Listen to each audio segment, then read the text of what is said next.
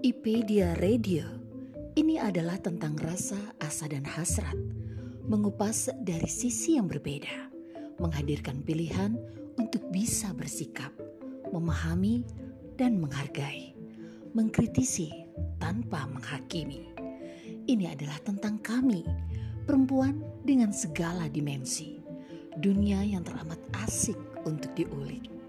Ini adalah IPedia Radio, teman baik dunia perempuan.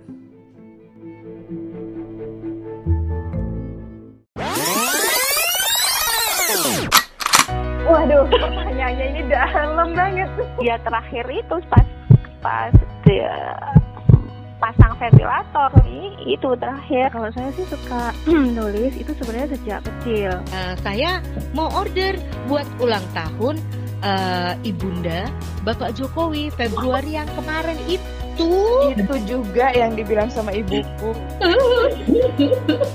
Hanya orang-orang terpilih yang bisa menjadi suami MS. Serius masih di Rusia berarti tas-tas itu? Iya betul. Kok Bu Mauri nekat-nekatnya sih bikin komunitas? Mereka berbagi tentang dirinya, tentang dunianya. Perempuan-perempuan keren yang penuh inspirasi. Ikuti obrolan seru mereka hanya di Kata Hati, IPedia Radio. Teman baik dunia perempuan.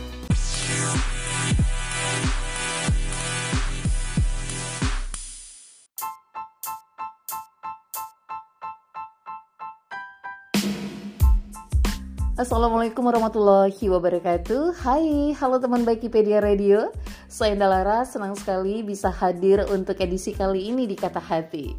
Gimana kabarnya teman baik? Saya harap semua dalam keadaan baik-baik saja Semua dalam keadaan sehat Dan tentunya juga saya berharap semua dalam keadaan bahagia ya.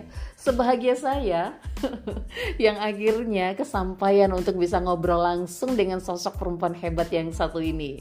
Ini adalah salah satu sosok narasumber yang saya udah incar lama banget untuk bisa menjadi narasumber di kata hati. Dan akhirnya kesampaian. Jadi senang banget sekaligus juga langsung nervous gitu apalagi sejak beliau mendapatkan banyak sekali apresiasi positif dari para pesohor dunia ya salah satunya yang paling membekas dalam dalam ingatan saya pada saat membaca berita seputar apresiasi positif Presiden Barack Obama terhadap peran dan juga usaha beliau untuk desa-desa terpencil yang ada di Indonesia dalam acara Presidential Summit on Entrepreneurship. Uh, keren banget ya. Sampai begitu notisnya gitu kan apa yang beliau lakukan oleh uh, selama ini. Kemudian juga beliau dinobatkan atau terpilih menjadi the world's 500 most influential Muslim 2021 oleh the Royal Islamic Strategic Studies Center menjadi tokoh muslim paling berpengaruh, salah satu tokoh muslim paling berpengaruh di dunia. Di dunia. Uh, sampai kelibet saya ngomongnya. Dan itu bikin saya tuh semakin, aduh harus ini kayaknya ngobrol sama beliau. Saat ini uh, beliau sering banget ya, banyak mendapat julukan sebagai wanita listrik karena peran dan juga usaha beliau membangun kemandirian masyarakat di kawasan terpencil melalui pembangkit listrik tenaga mikrohidro. Saat ini beliau menjabat sebagai Direktur Eksekutif Institut Bisnis dan Ekonomi Kerakyatan IBK.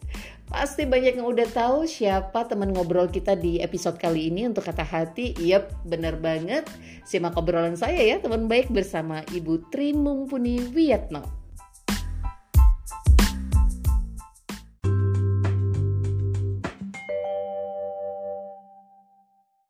Assalamualaikum warahmatullahi wabarakatuh. Ibu Puni, apa kabar? Waalaikumsalam warahmatullahi wabarakatuh. Sehat, alhamdulillah. Ah, senang banget. Sehat selalu ya Bu di tengah kesibukan yang luar biasa. Tetap sehat dan tetap bahagia ya Bu Puni ya. Amin, itu penting dari semuanya. Yes. Sebelumnya saya mengucapkan terima kasih dulu nih untuk Ibu Puni karena bersedia untuk menemani kita ngobrol sebentar di sini nih teman baik di program Kata Hati IPedia Radio. Tapi jujur nih Bu Puni, saya deg-degan. Kenapa Mbak santai? saya deg-degan karena Bu Puni ini adalah salah satu narasumber sosok perempuan yang udah saya incer lama banget untuk bisa ngobrol di IPedia Radio. Masya Allah, saya gini aja, saya ingat dulu almarhum ayah saya bilang, mm -mm. waktu itu saya SMA kelas 1 naik kelas 2, eh masuk apa namanya finalis ya, finalis Mhm. lomba karya ilmiah LIPI TVRI tingkat Oh. nasional. Saya orang daerah dari Mhm. Semarang, SMA 1 Semarang. Terus saya, aduh ini kok juri nanti yang kan saya harus presentasi dan tanya Mhm. jawab. Ini jurinya kok semua profesor, aku gimana ya? Mhm. Terus ayah saya bilang begini, eh kamu waktu lahir telanjang nggak? Iya. Itu para profesor semua juga waktu lahir telanjang, nggak ada yang pakai baju, nggak ada yang jadi profesor sebelumnya. Terus terus gimana? Mereka, eh, kamu makan nasi nggak? Saya bilang, iya. Mereka juga makan nasi itu nggak makan kembang. Jadi selama mereka masih lahirnya dulu telanjang dan mereka masih makan nasi, tok sama dengan kamu, nggak ada yang perlu kamu takutkan. Hmm. usah gemeteran. Gitu kan dulu kan saya takutnya kalau gemeter nanti nervous Iya. gimana. Mhm. Kira-kira itulah mbak. ini saya nervousnya karena ini udah lama banget pengen banget ngobrol sama ibu itu baru kesampaian saat ini dan rasa Baik. Deg-degannya tuh deg-degan bahagia gitu Bu Puni. Amin, amin. Alhamdulillah ini getarannya kerasa kok sampai sini. Saya juga bersyukur bahwa bisa bersilaturahmi ya. Iya, oke baik teman baik IPedia Radio, sosok Ibu Puni ini yang menjadi teman ngobrol kita di program Kata Hati IPedia Radio. Ini eh, tentu saja sesuatu yang jadi berkah buat saya bisa ngobrol langsung sama beliau dan beliau ini eh, juga dijuluki sebagai wanita listrik. Julukannya ya Bu Puni ya. Ada tuh yang nyebut Ibu sebagai wanita listrik gitu. Boleh dikatakan adalah eh, beliau sebagai pejuang mikrohidro Indonesia, yaitu pembangkit listrik tenaga mikrohidroelektronik. Sebelum kita ngobrol lebih panjang nih Bu Puni, lebih singkatnya mungkin bisa disampaikan ke teman baik IPedia Radio. Apa sih sebenarnya mikrohidro itu Bu Puni? Orang di seluruh dunia kan menikmati listrik. Mhm. Listrik itu sudah hasil akhir.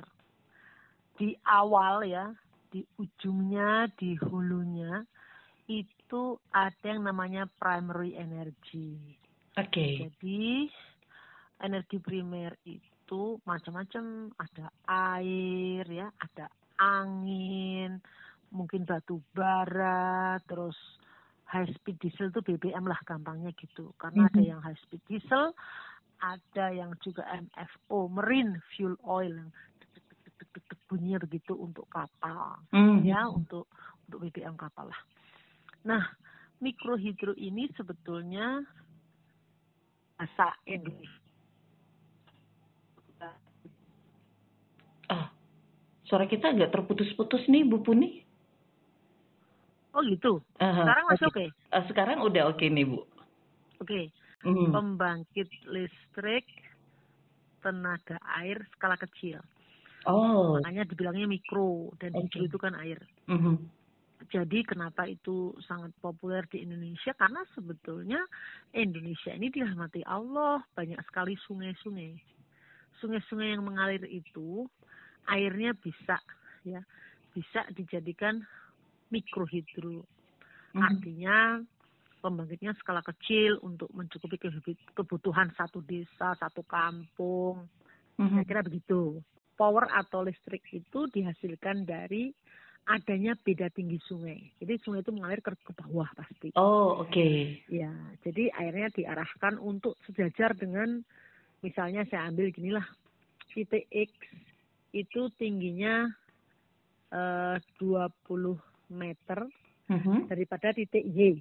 Tapi Mhm. ini masih dalam satu aliran sungai, Oke. ya. Jadi Ada memang- aliran sungai. Memang ada perbedaan Sampai- ketinggian gitu ya Bu Puni ya? Yes, Mhm. Betul, ada perbedaan ketinggian.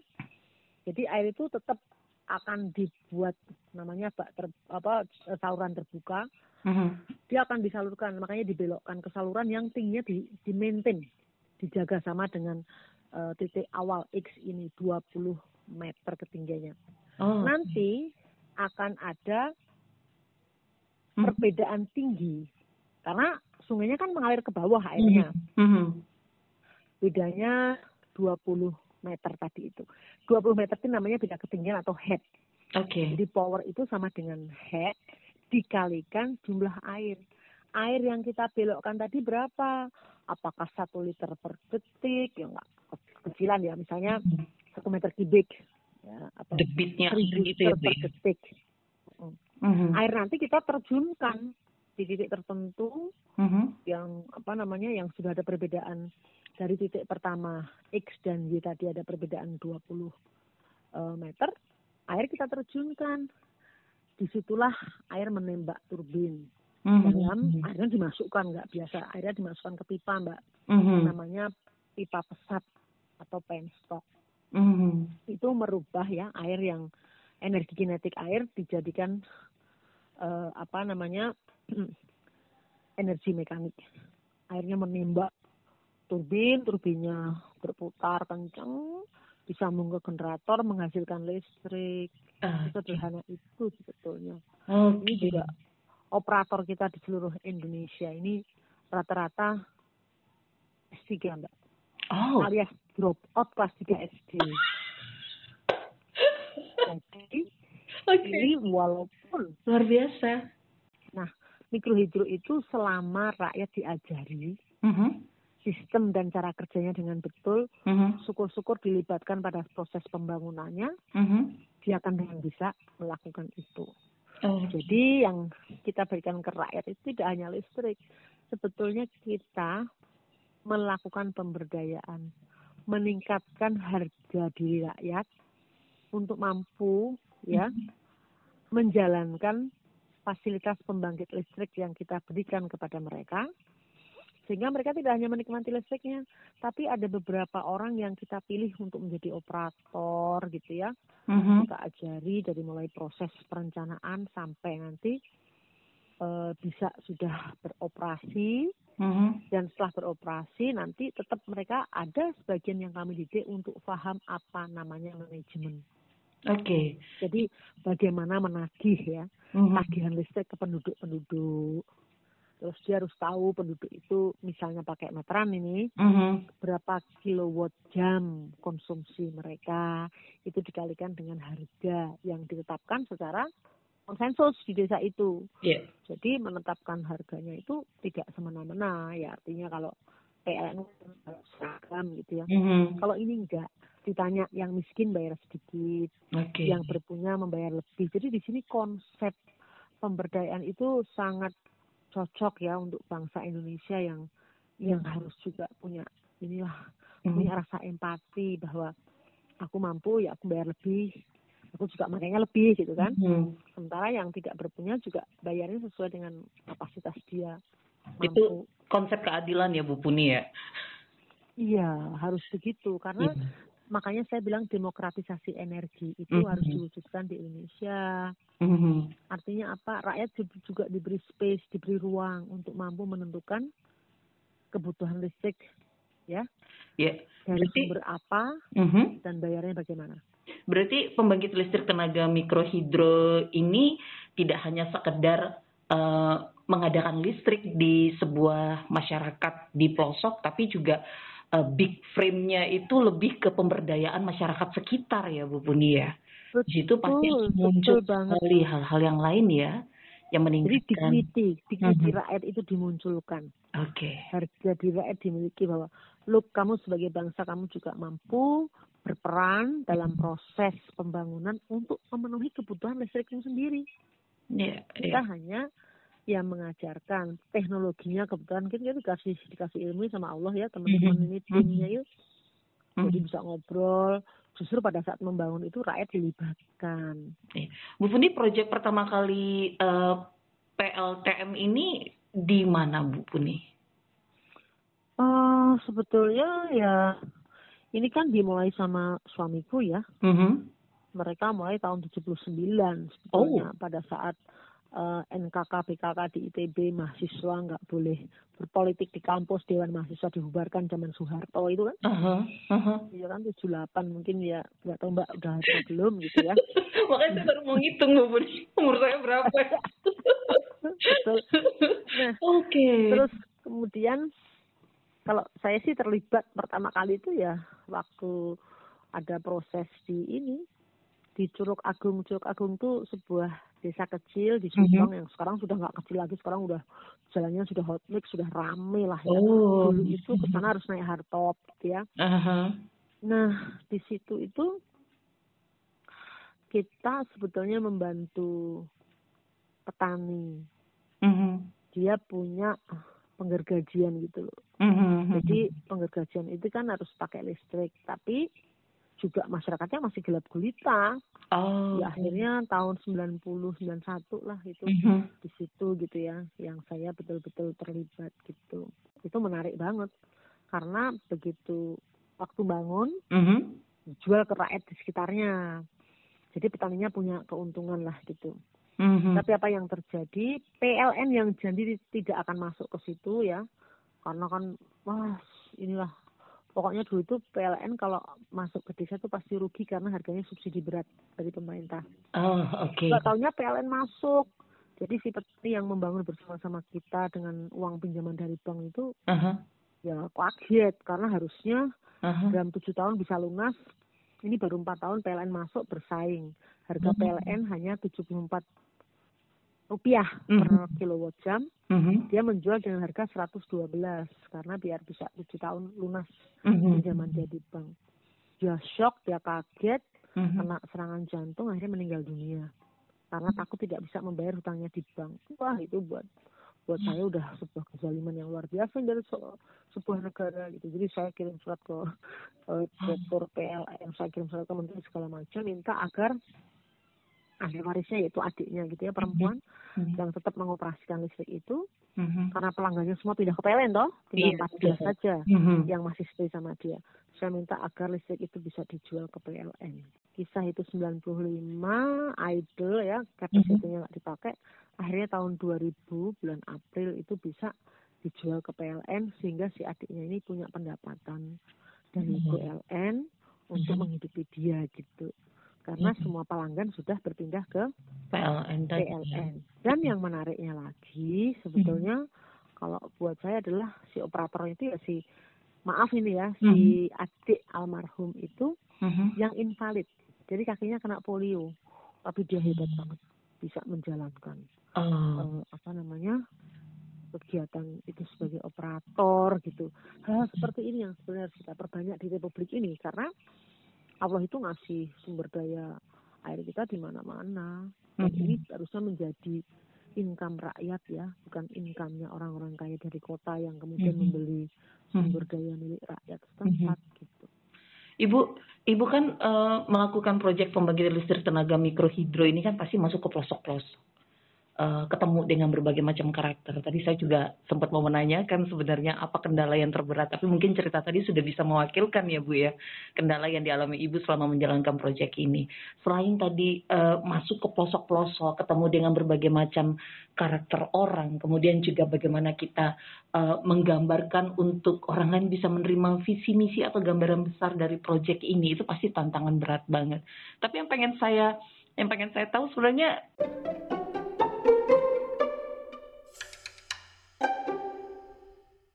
Ibu lahir di kota, di Semarang di kota. Kemudian eh, kegiatan Ibu banyak di pelosok-pelosok. Sebenarnya menjadi inspirasi Ibu untuk masuk ke pelosok-pelosok itu siapakah gitu. Dan bagaimana bisa bertahan dengan proyek yang saya yakin ini berat, nggak gampang dijalankan apalagi untuk seorang perempuan gitu.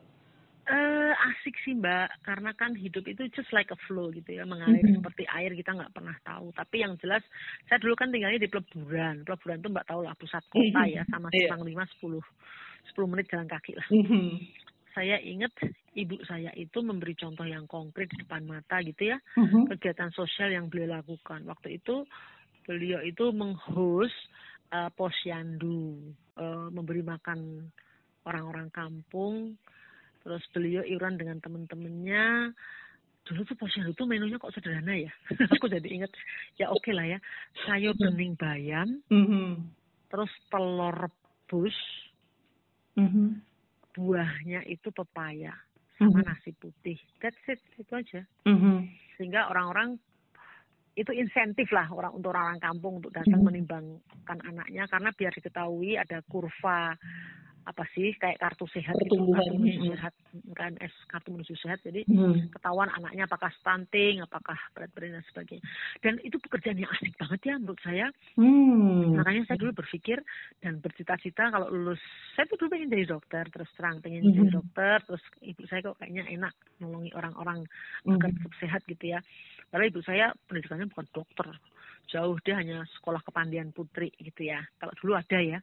SKP ya bu. semacam SKP heeh, ya ada SKP SKKA gitulah ya. Heeh, iya iya. Heeh, terus masih inget ya. Enggak, di- denger cerita-cerita dari orang dulu gitu sekolah kepandaian putri SKP gitu ya bu. Mm, betul. Itu tuh jadi emang jago masak ya bu. Saya emang jago masak ya gara-gara sekolahnya itu. Saya keterimanya kan di IPB Mhm. Ya, saya udah mulai sih eh, kebetulan bertemu dengan salah satu istri pejabat ya dia direktur perkebunan lah di Bogor kan ada gitu ya Mhm. saya kuliah di IPB beliau itu juga concern banget dengan kehidupan petani tapi Oh, ibu-ibu oke. petani jadi kalau nggak cukup sebagai petani dia memberi pekerjaan kepada ibu tani itu misalnya dia diajarin untuk nyulam nanti satu bantal itu ya bantalan kursi itu Mhm. Itu harganya 25 perak waktu itu. Jadi kalau dia bisa bikin 10 dalam seminggu tuh dapat 250. Oh, itu udah gede banget zaman itu gitu. Mhm. Nah, kita anter yang belum jadi kita kasih benang segala macam nanti kita ambil lagi. Saya juga ngajari lah bagaimana caranya agar bertani itu menguntungkan gitu. Gaya banget ya. Oh, soalnya ada pelajarannya sih namanya usaha tani gitu. Oh, Karena aku juga oke. sekarang kalau diprak suruh praktekin juga belum tentu beruntung gitu ya. Sekarang saya udah kembali ke pertanian lagi sih. Sejak ini saya balik ke ke pertanian. Mhm. Nah, terus kemudian eh saya lulus, saya bertemu dengan para peternak ikan di Danau Toba. Oh, oke. Ini pada Ya. masih kuliah nih, Bu ya? Persis setelah lulus kuliah. Oh, oke. Terus saya ke sana, saya bantu mereka beternak jaring apung dan sebagainya gitu. Mhm. Terus saya juga ngurusi orang-orang miskin di perkotaan. Saya selesai dari Danau Toba itu, saya sempat ke Amerika, jadi pekerjaan Danau Toba kan harus saya tinggalkan, saya serahkan ke teman saya, Mhm. anak IPB juga. Terus pulang dari Amerika itu saya mengerjakan ini, apa namanya, ngurusi orang-orang miskin perkotaan. Oke. Tapi ternyata Aha. nggak enak banget gitu. Di kota itu yang bisa membangun dengan baik ya. Saya Mhm. bilangnya itu money driven development. Oh. Pembangunan itu hanya berbasis kepada orang-orang yang punya uang. Jadi kita sudah menata daerah kumuh rapi-rapi, toto hilang semua dijadikan mall gitu. Nggak usah Oh. diomongin di Jakarta banyak gitu ya. Mhm. Jadi buat saya ngapain ya kita bantuin orang daerah kumuh kita perbaiki terus kemudian Mhm. jadi digusur semua gitu ya. Mhm. Nah, suami saya, suami saya itu kan tadi udah cerita ya waktu di Mhm. ITB itu memang dia mengerjakan ini apa namanya eh, infrastruktur. Jadi Mhm. ini juga kegiatan sosial gitu, Mhm. membuatkan air bersih, membuat listrik dan sebagainya. Saya kemudian tertarik sama apa yang dia kerjakan. Jadi sebenarnya dia yang memulai, tapi Mhm. terus kemudian karena saya tertarik, biasalah perempuan kan teriaknya lebih kencang gitu ya.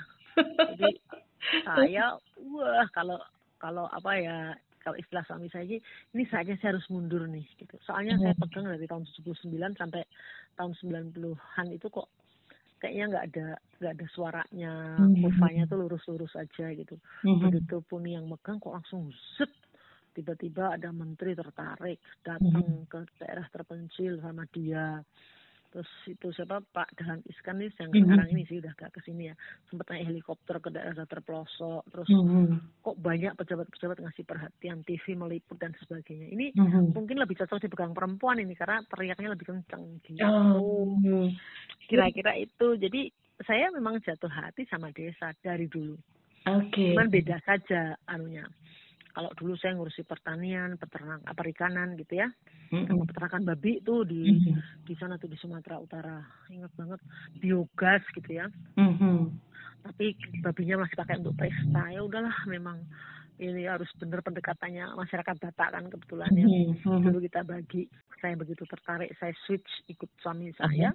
Mhm. akhirnya saya disuruh jadi direktur eksekutif gitu kan dari lembaga namanya IBK ini. Mhm. Institut Bisnis dan Ekonomi Kerakyatan. Terus ya sudah sama dia traveling ke mana-mana ke Aceh ke hutan Papua ke mana-mana selalu bersama-sama ke Kalimantan dan sebagainya.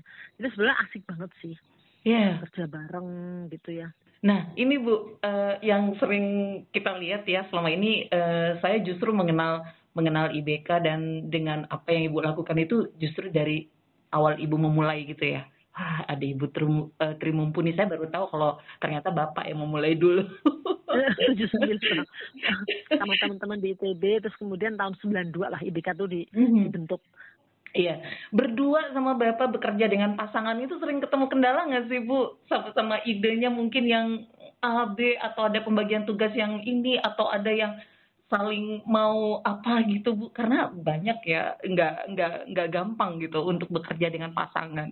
Ibu sendiri pernah ngalamin hal-hal yang nggak enak nggak sih sama bekerja dengan Bapak? Iya, bagi peran dia nggak mau apa namanya, pokoknya nggak mau tampil dari istilahnya begitu. Oke. Jadi dia sebagai dia kan kebetulan dia lulus di ITB, kemudian dia sekolah eh, ke Swiss ya untuk mikrohidro itu dia belajar lah di sana gitu. Dia Mhm. ilmunya dia punya banget gitu.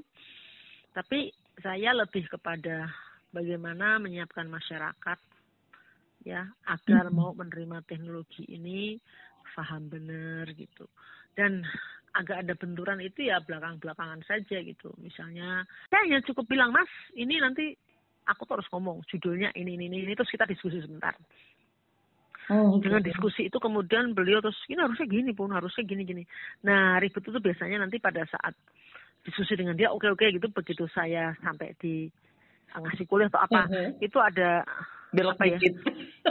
ada pikiran-pikikiran tersendiri yang kemudian atau mungkin saya tidak bisa tidak bisa seperti yang diharapkan karena mungkin kan beda ya Mhm. beda apa yang beliau pikirkan apa yang saya Mhm. pikirkan tapi Mhm.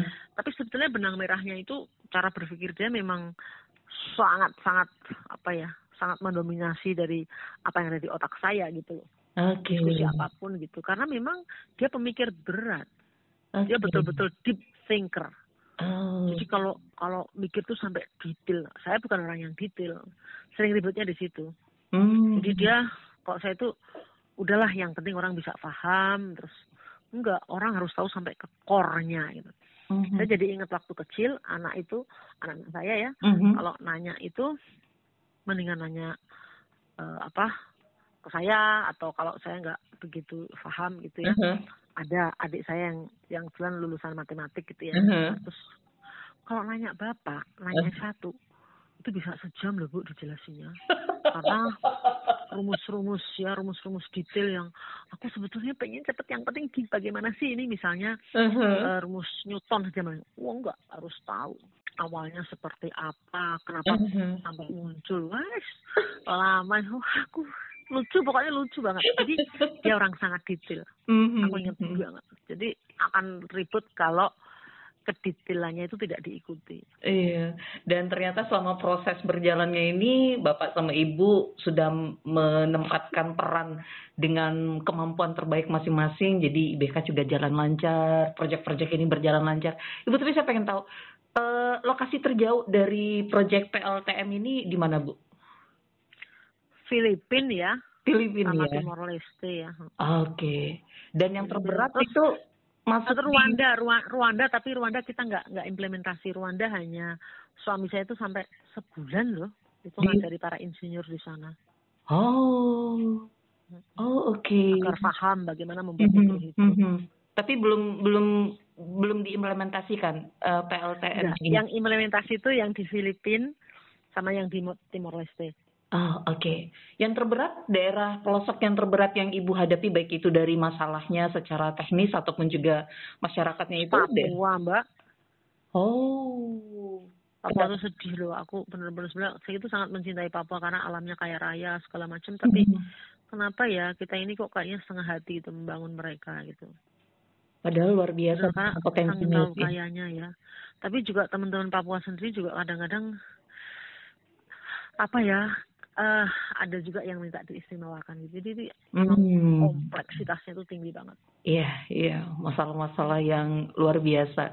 Nah, Ibu sebagai perempuan terus kemudian melakukan pekerjaan yang notabene sebenarnya sih bukan pekerjaan yang familiar dengan perempuan ya, Bu ya. Tapi saya pengen tahu pendapat Bu nih. Apa sih pendapat Ibu terhadap peran perempuan di Indonesia, Bu, khususnya? Mbak susah ya kalau bicara perempuan Indonesia karena itu tuh kita tuh spektrumnya luas banget. Betul. Ada perempuan ini sorry to say ya, ada perempuan yang lahir ya, terus sekolah biasa terus ketemu jodoh gitu, Mhm. suami yang kaya raya gitu, saya kerjaan dia hanya ke salon, eh, ngerawat badan, mau suka Belanja. anaknya itu kalau perlu ada tujuh apa ada tujuh babysitter saya ekstrim banget ya enggak lah sampai dua gitu terus Uh-huh. belanja ke luar negeri wes ada yang nasibnya kayak gitu Mhm. Ya kan? Mhm. itu ya jangan pernah dibandingkan dengan perempuan di daerah pedalaman Gak usah jauh-jauh ya perempuan Solo itu itu perempuan Solo itu hebat Mhm. karena dia itu coba kalau mbak ke pasar klewer aku sering ke pasar klewer itu yang jualan kan ibu-ibu semua aku ajak Yes. ngobrol Aha. diskusi gitu suaminya di rumah merawat burung perempuan yang yang breadwinner gitu yang kerja keras gitu terus Mhm. Coba saya sering ketemu ibu-ibu yang keliling jualan bubur suka sedih aku tanya gitu. Iya. kadang-kadang jawabannya si yang membuat hati hancur itu oh suami saya kena stroke jadi udah nggak bisa ngapa-ngapain ya sayalah yang harus uh, ngambil Oke. alih Hmm. peran ini gitu oke yang paling kesel kalau misalnya suami suami saya ya nggak mau ngapa-ngapain lah bu pokoknya di rumah aja gitu Mhm. mumet tapi ya ya masuk mau mumet gimana itu pilihan gitu itu dari 10 orang itu yang empat itu suaminya itu tidak ngapa-ngapain di rumah Ah. jadi the breadwinner is the women yang cari nafkah itu perempuannya alasannya klasik Mhm. nggak ada pekerjaan yang cocok buat aku sih males gitu kadang-kadang saya suka gemes gitu ya. Iya. terus yang saya emosi itu adalah yang rawat apa yang rawat? Ya rumah saya segala macam. Orangnya cantik baik itu suaminya itu malah pernah minta uang buat pasang togel ke dia. Mbak bisa bayangin? Iya. terus Iya. uang rokok. Iya. saya kan marah. Jangan dikasih. Wah enggak lah bu nanti jadi masalah. Tapi dia nggak pernah bilang dia dipukul apa enggak sih. Dia Mhm. dia sangat ini gitu. Terus adalah satu lagi yang yang ah apa ya kalau diceritakan itu sedih banget gitu ya Mhm. dia tuh cantik suaminya juga good looking gitu suaminya ya nggak ngapa-ngapain gitu terus cuman ke sana kemari nggak jelas bahkan main perempuan gitu jadi seperti apa perempuan-perempuan seperti ini kita bisa bantu saya sih selalu meng- menguatkan gitu Iya. kadang-kadang kan kalau menguatkan nyuruh orang cerai kan juga dosa ya aku nggak Mhm. berani gitu ya Mhm. Mhm. tapi buat apa yang mempertahankan laki-laki seperti itu oke itu kisah itu terus yang sedih lagi teman-teman nih yang yang seangkatan sama saya gitu ya Mhm. ada yang jadi eksekutif di bank jadi apa-apa. Mhm. kadang-kadang mereka juga apa ya terpaksa harus pisah gitu karena suaminya nggak bisa melihat dia maju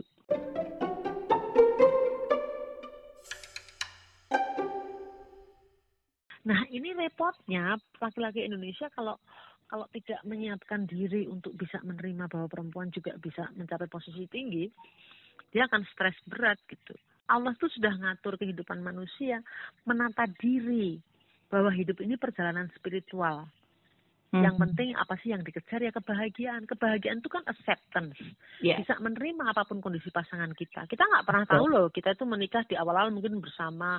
Kalau sama yang, kalau aku sama suami kebetulan dia 8 tahun di atasku gitu, jadi udah dia lebih mature segala macam Mhm. gitu, dan lebih pintar, lebih macam-macam. Sementara ada yang kawinnya sejajar gitu Iya. ya, satu sama-sama lulus dari universitas, kemudian istrinya lebih maju, dianya bisa-bisa aja. Ya nggak apa-apa, dikasihnya sama Allah itu. Iya. Yang penting kita ikhlas, sabar, syukur Mhm. udah itu aja ridho ikhlas kalau saya bilang sih harus ridho harus ikhlas sabar Mhm. dan syukur kalau itu saja sudah di di apa dipegang itu happy well happy gitu Mungkin acceptance ini agak agak masih sedikit yang diterima karena tidak banyak contoh-contoh nyata barangkali ya Bu Puni ya. Karena yang seperti Bu Puni tadi bilang bahwa kadang-kadang masyarakat itu bisa melihat atau menerima untuk eh, hal-hal yang sulit diterima pada awalnya. Tapi setelah melihat, oh ternyata misalnya nih laki-laki nyuci piring is okay kok, laki-laki nyuci baju is okay kok gitu. Karena ada contohnya nih. oh mbak suamiku tuh kalau membersihkan apa ya Paling bersih ya Bu. ini ini membersihkan apa sih namanya em, oven ya Mhm. stove oven itu pembantuku minder loh sumpah sampai mengkilap itu Iya, iya. jadi yang penting ya itu terus Mhm. saya juga juga cukup mengagumi Mas Tony ya Mhm. itu istilahnya eh, Ibu Rusli Mulyani yang apa namanya yang Menteri Keuangan kita Menteri Keuangan, iya. DC. Ya beliau bisa menerima gitu bahwa memang istrinya jadi menteri Ibu Retno Mas. Eh, Ibu Retno, waktu ditanya Ibu Retno sebagai pejabat, eh, suami Ibu sebagai apa? Oh, suami saya juga pejabat, pejabat RT. Jadi kuncinya di acceptance. Betul. Bahwa acceptance itu kan apa pun yang diberikan sama Allah kita, kita harus bisa menerima itu sebagai sebagai destiny atau yang dikasih Allah ke kita gitu loh. Iya, betul.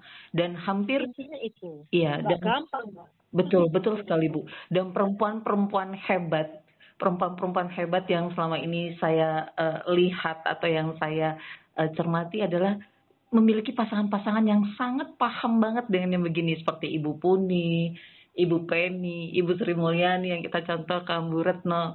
Itu pasangan-pasangan eh, para suami yang sangat eh, memberikan kesempatan, memberikan yang sangat memahami posisi dan juga apa ya kemampuan pasangan perempuannya untuk bisa berkembang dan itu eh, beliau-beliau ini menerima dan melakukan itu dengan ikhlas dan jadi luar biasa ya perempuan-perempuan yang disupport kan Bu jatuhnya ya disupport penuh dengan pasangan eh, dengan kemampuannya itu kan jadi luar biasa sekali gitu seperti Bu Puni dengan Bapak yang Bapak akhirnya kayaknya memang harus perempuan yang mimpin gitu kan. Kalau bahasa yang selalu dipakai suamiku itu Mhm. super posisi positif ya. Kalau dalam Super dia posisi orang positif. positif ya orang tekniknya selalu ngomong gitu. Oke. Super posisi Positif. positif. Oke, oh super posisi positif. Oke. Ya. Kalau teori gelombang itu kan Mhm. jadi saling saling inilah saling mendukung ya. Hanya bisa terjadi ya terus terang kalau saya sih lebih percaya kepada kekuatan ini ya, kekuatan yang membuat kita hidup gitu loh. Mhm. Jadi Allah itu sudah sudah memilihkan kita gitu. Kalau di Anissa kan ada itu ya, Mhm. Arum atau Anissa itu. Mhm. Bahwa orang-orang baik ya ketemunya orang baik. Mhm. Ya akhirnya kembali kepada ini ya, kepada hal-hal yang kita yakini sebagai keyakinan kita. Mungkin di agama lain saya yakin juga ada gitu. Mhm. Mhm. Jadi whatever yang dijadikan destiny oleh oleh Allah kepada kehidupan kita, nah yang saya Mhm. katakan Mhm. ya kita syukuri dengan penuh kesabaran, acceptance ya, Mhm. bisa menerima apa pun kondisi pasangan kita. Saya pikir itu jauh lebih lebih bisa dijalani dengan baik dan tujuannya bahagia. Itu kan di ultimate goal-nya kan itu. Iya. Dan yang penting tidak hanya itu, memberikan keberkahan buat sekitarnya. Eh, itu penting. Betul. Betul, Ibu.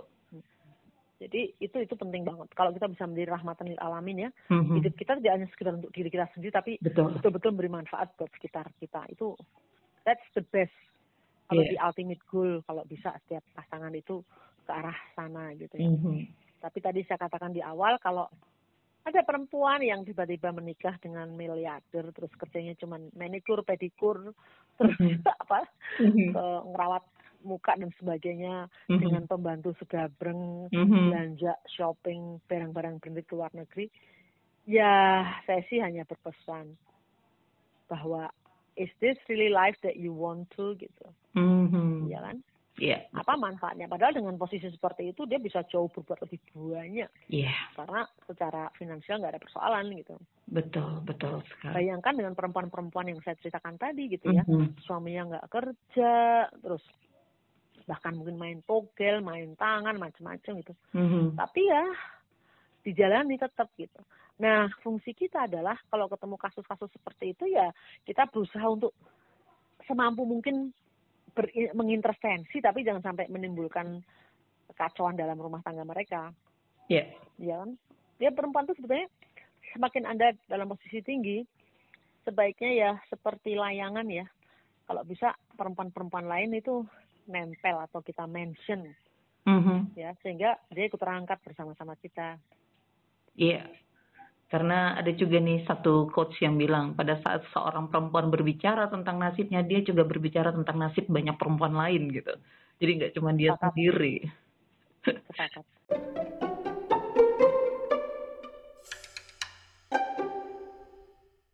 Luar biasa ngobrolnya pengen lebih panjang lagi. Jangan nanti kasihan. Satu pertanyaan terakhir yang saya ingin tanyakan ke Bu eh, Puni adalah banyak sekali penghargaan yang ibu dapatkan, bahkan apresiasi dari Barack Obama. Dan kemudian tadi saya lihat PP ibu, hah, Pangeran Charles. Bu, award apa yang menurut ibu yang paling bikin ibu bahagia? Apresiasi apa yang didapat ibu selama menjalankan uh, proyek pembangkit listrik tenaga mikrohidrolik ini yang bikin ibu tuh benar-benar bersyukur sebagai seorang trimumpuni dan benar-benar bersyukur bahwa ini yang saya cari dalam hidup. Itu award yang bagaimana bu yang ibu dapatkan? Aku tuh kalau melihat semuanya itu ini kayaknya udahlah ini sudah digariskan oleh yang maha kuasa bahwa saya harus menerima semua ini walaupun itu tidak pernah saya harapkan sama sekali. Oke. Okay. Mm-mm. Tapi yang buat aku agak apa ya di dada itu maksek gitu waktu mm -hmm. saya terus terang ya mm -hmm. dapat penghargaan dari alma mater. Oh iya. Dari IPB waktu itu. Uh -huh. Sebagai? Padahal di padahal di IPB itu aku dulu wah, sekolahnya kacau balau lah. Ah serius bu? Organisasi. Serius? Bukannya kumlot? Wah enggak lah saya saya ikut berorganisasi sibuk sana kemari saya beberapa kali keluar negeri gitu ya uh -huh. untuk acara-acara uh, yang mungkin kampus ini mungkin anak ini gimana? Saya hampir hampir drop out. Was, pokoknya betul-betul ini. Eh tiba-tiba kok manusia itu ya kalau Allah berkehendak yeah. saya bisa lulus. Saya udah alhamdulillah saya berikan sama teman-teman gitu kan. Uh-huh. apa diberi penghargaan bahwa hidupnya itu bermanfaat buat orang-orang di daerah terpencil. Jadi alhamdulillah saya pikir itu well alma mater yang yang ini gitu ya Ibu pun itu saya saya ngebayangin tadi ibu akan menjawab yang lain gitu. Di saat saya ngeliat ibu dapat appreciate dari Barack Obama ya kan? Dapat appreciate juga dari Pangeran Charles. Tapi ibu memilih award yang ibu merasa benar-benar bahagia pada saat mendapat penghargaan dari alma mater. Wow.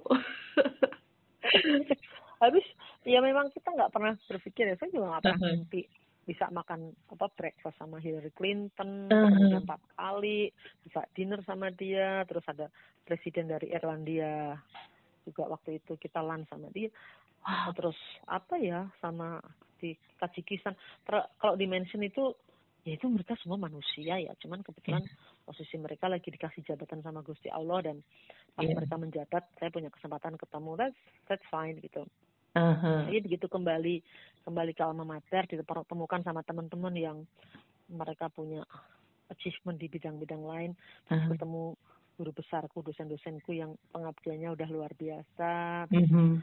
apa terus disandingkan gitu dalam disnatalis terus dikasih penghargaan. Kok rasanya kok waduh, ah gimana gitu aku sampai nangis waktu itu. Oh, yang lainnya, yang lainnya aku nggak nangis bisa-bisa aja.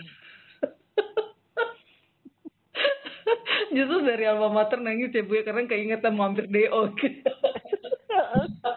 Ibu, okay. terima kasih sekali untuk waktunya. Maaf mengganggu waktu istirahat. Terima kasih sekali untuk cerita-ceritanya yang luar biasa sekali. Dan ini pasti menjadi inspirasi yang luar biasa juga untuk teman baik IPedia Radio. Obrolan santai kita ya Bu, tapi ini nggak santai isinya. banyak hal yang bisa kita petik nih teman-teman. Banyak hal eh, kehambalan beliau kerendahan hatian beliau tuh tergambar banget dari ceritanya Bu Puni. Eh, mudah-mudahan kita bisa menarik banyak hikmah dari obrolan singkat kita. Sekali lagi Bu Puni terima kasih sekali untuk waktunya. Semoga sukses dan berkah untuk IBK-nya Ibu. Salam saya dan juga kami semua di IPD Radio untuk Ibu dan keluarga. Assalamualaikum warahmatullahi wabarakatuh Waalaikumsalam warahmatullahi wabarakatuh. Terima kasih telah mendengarkan episode kali ini. Tetap stay tune di IPIDA Radio, teman baik dunia perempuan.